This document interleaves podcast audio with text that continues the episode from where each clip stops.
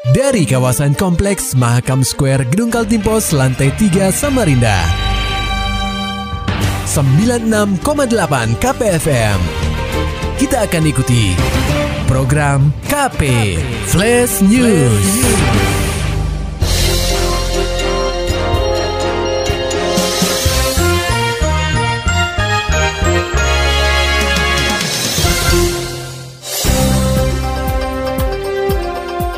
Anda sedang menyimak program KP Flash News bersama saya Agung Pratama. Peringatan KP Badan Pengelola Keuangan dan Aset Daerah atau BPKAD Kota Samarinda menemukan adanya dugaan penambangan batu bara secara ilegal di dalam lahan milik Pemkot Samarinda, tepatnya di kawasan Bantuas, Kecamatan Palaran.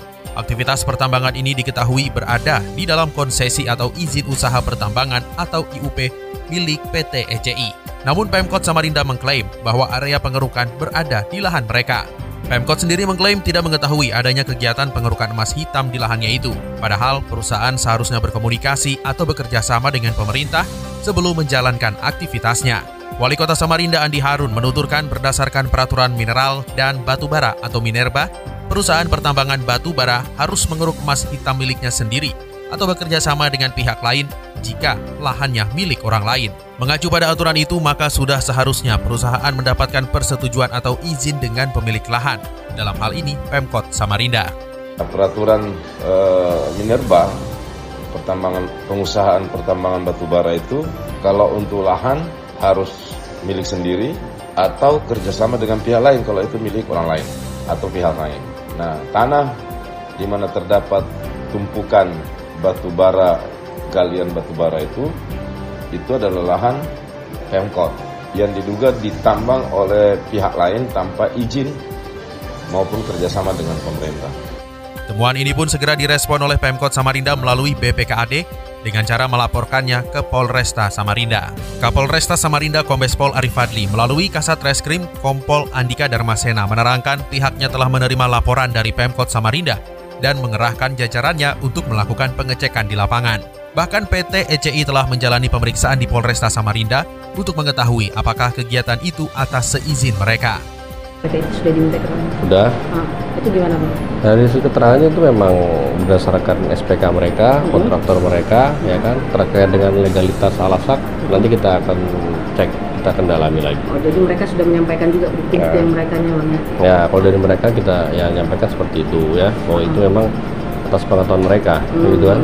Nah, nanti dari pihak apa kita cek tuh aset pemprov, pemkot sama juga dengan eh, dari pihak perusahaan ini kontraktornya Artinya kerja di situ. Ya, kan kan masalah masalah legalitas tanah ya. Oh, iya. Terus cek benar-benar nanti. Lebih lanjut, dalam waktu dekat Sena juga akan memanggil pihak Pemkot Samarinda untuk melakukan pengecekan terkait aset mereka. Tak hanya itu, pihaknya juga akan memanggil PT ECI kembali beserta kontraktornya untuk mengecek legalitas tanah yang mereka keruk.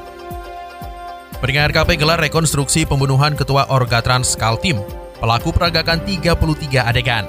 Laporan selengkapnya akan disampaikan reporter KPFM Samarinda, Muhammad Nur Fajar. Polsek Sungai Kunjang bersama unit Inafis Polresta Samarinda melakukan rekonstruksi kasus pembunuhan terhadap Ketua Organisasi Gabungan Transportasi atau Orgatrans Kaltim, Kamaryono, yang dilakukan oleh anggotanya sesama sopir taksi berinisial PH pada Kamis 20 Oktober 2022. Proses rekonstruksi sendiri berlangsung di sebuah warung makan di Jalan Kemangi, Sungai Kunjang, yang menjadi tempat kejadian perkara atau TKP. PH sendiri tampak mengenakan pakaian oranye dan memperagakan adegan mulai dari ia datang sampai membawa korban ke rumah sakit. Kanit Reskrim Polsek Sungai Kunjang, Ibda Roni Wibowo menerangkan, pelaku memperagakan 33 adegan dengan disaksikan Jaksa Penuntut Umum atau JPU dari Kejaksaan Negeri Samarinda serta kuasa hukum tersangka. Proses rekonstruksi sendiri dilakukan untuk melihat apakah pasal yang menjerat tersangka sudah sesuai dengan berita acara pemeriksaan atau BAP.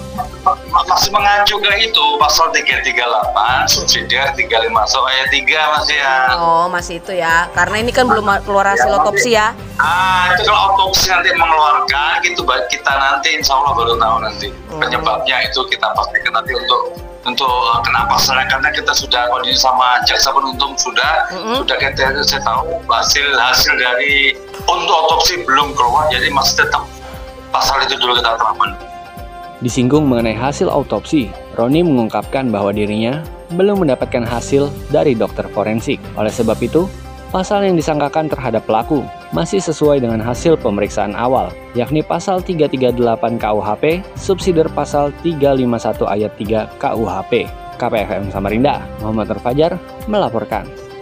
Bahas persoalan banjir dari sisi sosial, Pemkot Samarinda dan PUPR Perakaltim gelar rapat koordinasi. Berikut laporan reporter KPFM Samarinda, Maulani Alamin. Upaya mengentaskan persoalan banjir di Samarinda terus digodok otoritas setempat. Pemkot Samarinda dan Pemprov Kaltip membahas ihwal ini dalam rapat koordinasi yang terselenggara pada Rabu di Balai Kota. Permasalahan banjir dari sisi sosial jadi atensi dalam pertemuan tersebut.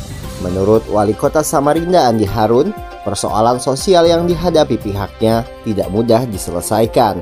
Kendati demikian, secara perlahan pemerintah akan menyelesaikan segmen-segmen yang jadi penyempitan, terutama di bilangan bantaran Sungai Karangmumus atau SKM. Terlebih, ada beberapa segmen yang masih belum sesuai desain penanganan, seperti di segmen jembatan Ruhui Rahayu Perniagaan, utamanya di sisi kanan Kelurahan Temindung Permai dan Bandara.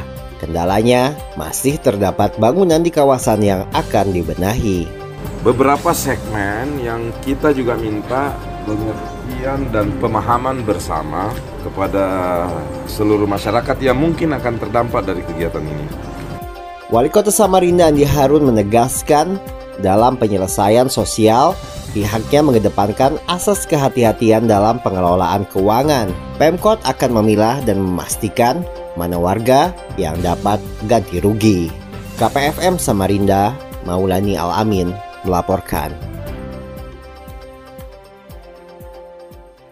Sesaat lagi kita akan simak Parlementaria DPRD Kaltim persembahan dari 968 KPFM Samarinda.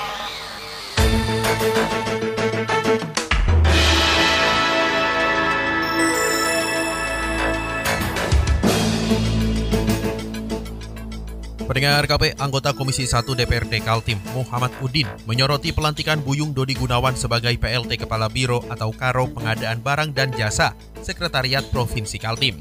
Legislator yang disapa Udin itu menilai, Buyung tak mempunyai kompetensi sebagai Karo Pengadaan Barang dan Jasa Sekprov Kaltim.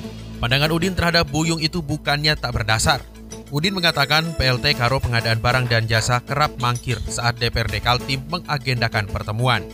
Menurutnya, evaluasi juga mesti dilakukan Gubernur Kaltim Isranur terkait keputusannya kembali memilih Buyung.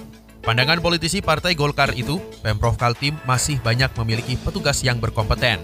Poin penting yang ditegaskan Udin adalah komunikasi yang baik, sehingga dapat merencanakan pembangunan yang terstruktur.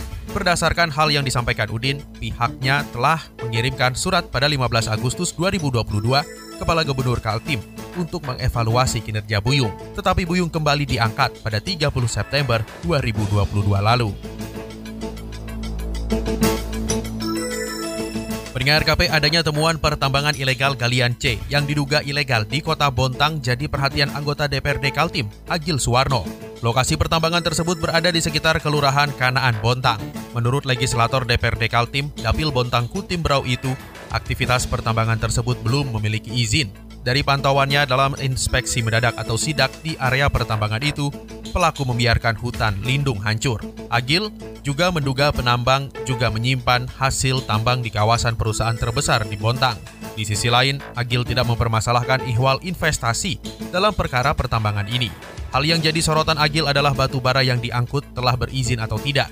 Jika tidak, daerah tidak mendapatkan PAD dan wilayahnya pun menjadi rusak. Guna memperjelas persoalan ini, DPRD Kaltim bakal melakukan rapat dengar pendapat atau RDP dan memanggil Dinas ESDM dan DPMPTSP. Anggota fraksi DPRD Kaltim itu juga ingin mengetahui upaya pengawasan yang dilakukan terhadap aktivitas pertambangan liar. Peringkat KP Komisi 2 DPRD Kaltim akan memanggil pimpinan perusahaan daerah atau perusda satu persatu guna memantau perkembangan badan usaha milik daerah itu. Hal ini sejalan dengan fungsi monitoring yang dilakukan legislator untuk melihat sejauh mana perkembangan dan rencana bisnis Perusda di Provinsi Kaltim. Ketua Komisi 2 DPRD Kaltim, Nidia Listiono menuturkan, sebenarnya pihaknya telah mengumpulkan seluruh Perusda beberapa bulan yang lalu, tetapi karena tidak bisa membedah secara keseluruhan, maka pihaknya berinisiatif untuk memanggil mereka satu persatu untuk melihat sejauh mana perkembangan dari masing-masing perusda. Tio menegaskan apabila dinilai tidak ada perkembangan, sudah seharusnya pimpinan dari perusda harus mundur sesuai dengan kesepakatan. Meski pihaknya tidak selalu dilibatkan dalam pemilihan direksi, lantaran terdapat tim panitia seleksi atau pansel, namun pihaknya sudah memiliki kesepakatan bersama dengan direksi masing-masing perusda agar mundur jika tidak memiliki perkembangan. Disinggung mengenai adakah perusda yang dinilai kurang berkembang, politisi Partai Golkar ini menyatakan bahwa ada beberapa perusda yang tidak memberi keuntungan bagi pemerintah selaku pemegang saham. Kalau bicaranya net yang berhenti aja ada, yang direkturnya ada ada ada ada juga. Ya artinya itu yang kemudian kita deteksi, kita sudah sampaikan ke pemerintah. Ya ini kan semua eksekutorialnya kan ke uh, stakeholder. Stakeholdernya siapa? Pemegang saham. Siapa pemegang sahamnya? Ya tentu pemprov di sana. Ya pemprov punya kuasa untuk itu. Kalau kemudian memang perusahaannya kemudian misalnya tidak profitable, ya untuk apa? Kan ada banyak pilihan. Apakah dibubarkan? Apakah di merger? Ya kan? Atau bagaimana mau dibersihkan semua? Secara tegas, jika Perusda dianggap tidak profitable, pemerintah memiliki banyak opsi antara membubarkan atau melakukan merger. Tio sendiri berharap jangan sampai Perusda bertransformasi menjadi tempat tidak strategis serta tidak menghasilkan profit, karena Perusda merupakan salah satu kaki tangan pemerintah untuk mendapat keuntungan dalam pengelolaan aset, sumber daya alam, dan bisnis di Kaltim. Terima kasih. Baru saja kita simak Parlamentaria DPRD Kaltim. Persembahan 968 KKPFM Samarinda. Maulani Alamin, Muhammad Nur Fajar, KPFM Samarinda. Serta dapatkan berita-berita selengkapnya di www.968kpfm.co.id. Demikian tadi telah kita simak rangkaian berita-berita yang terangkum dalam program KP Flash News. Persembahan dari 96,8 KPFM. Terima kasih dan sampai jumpa.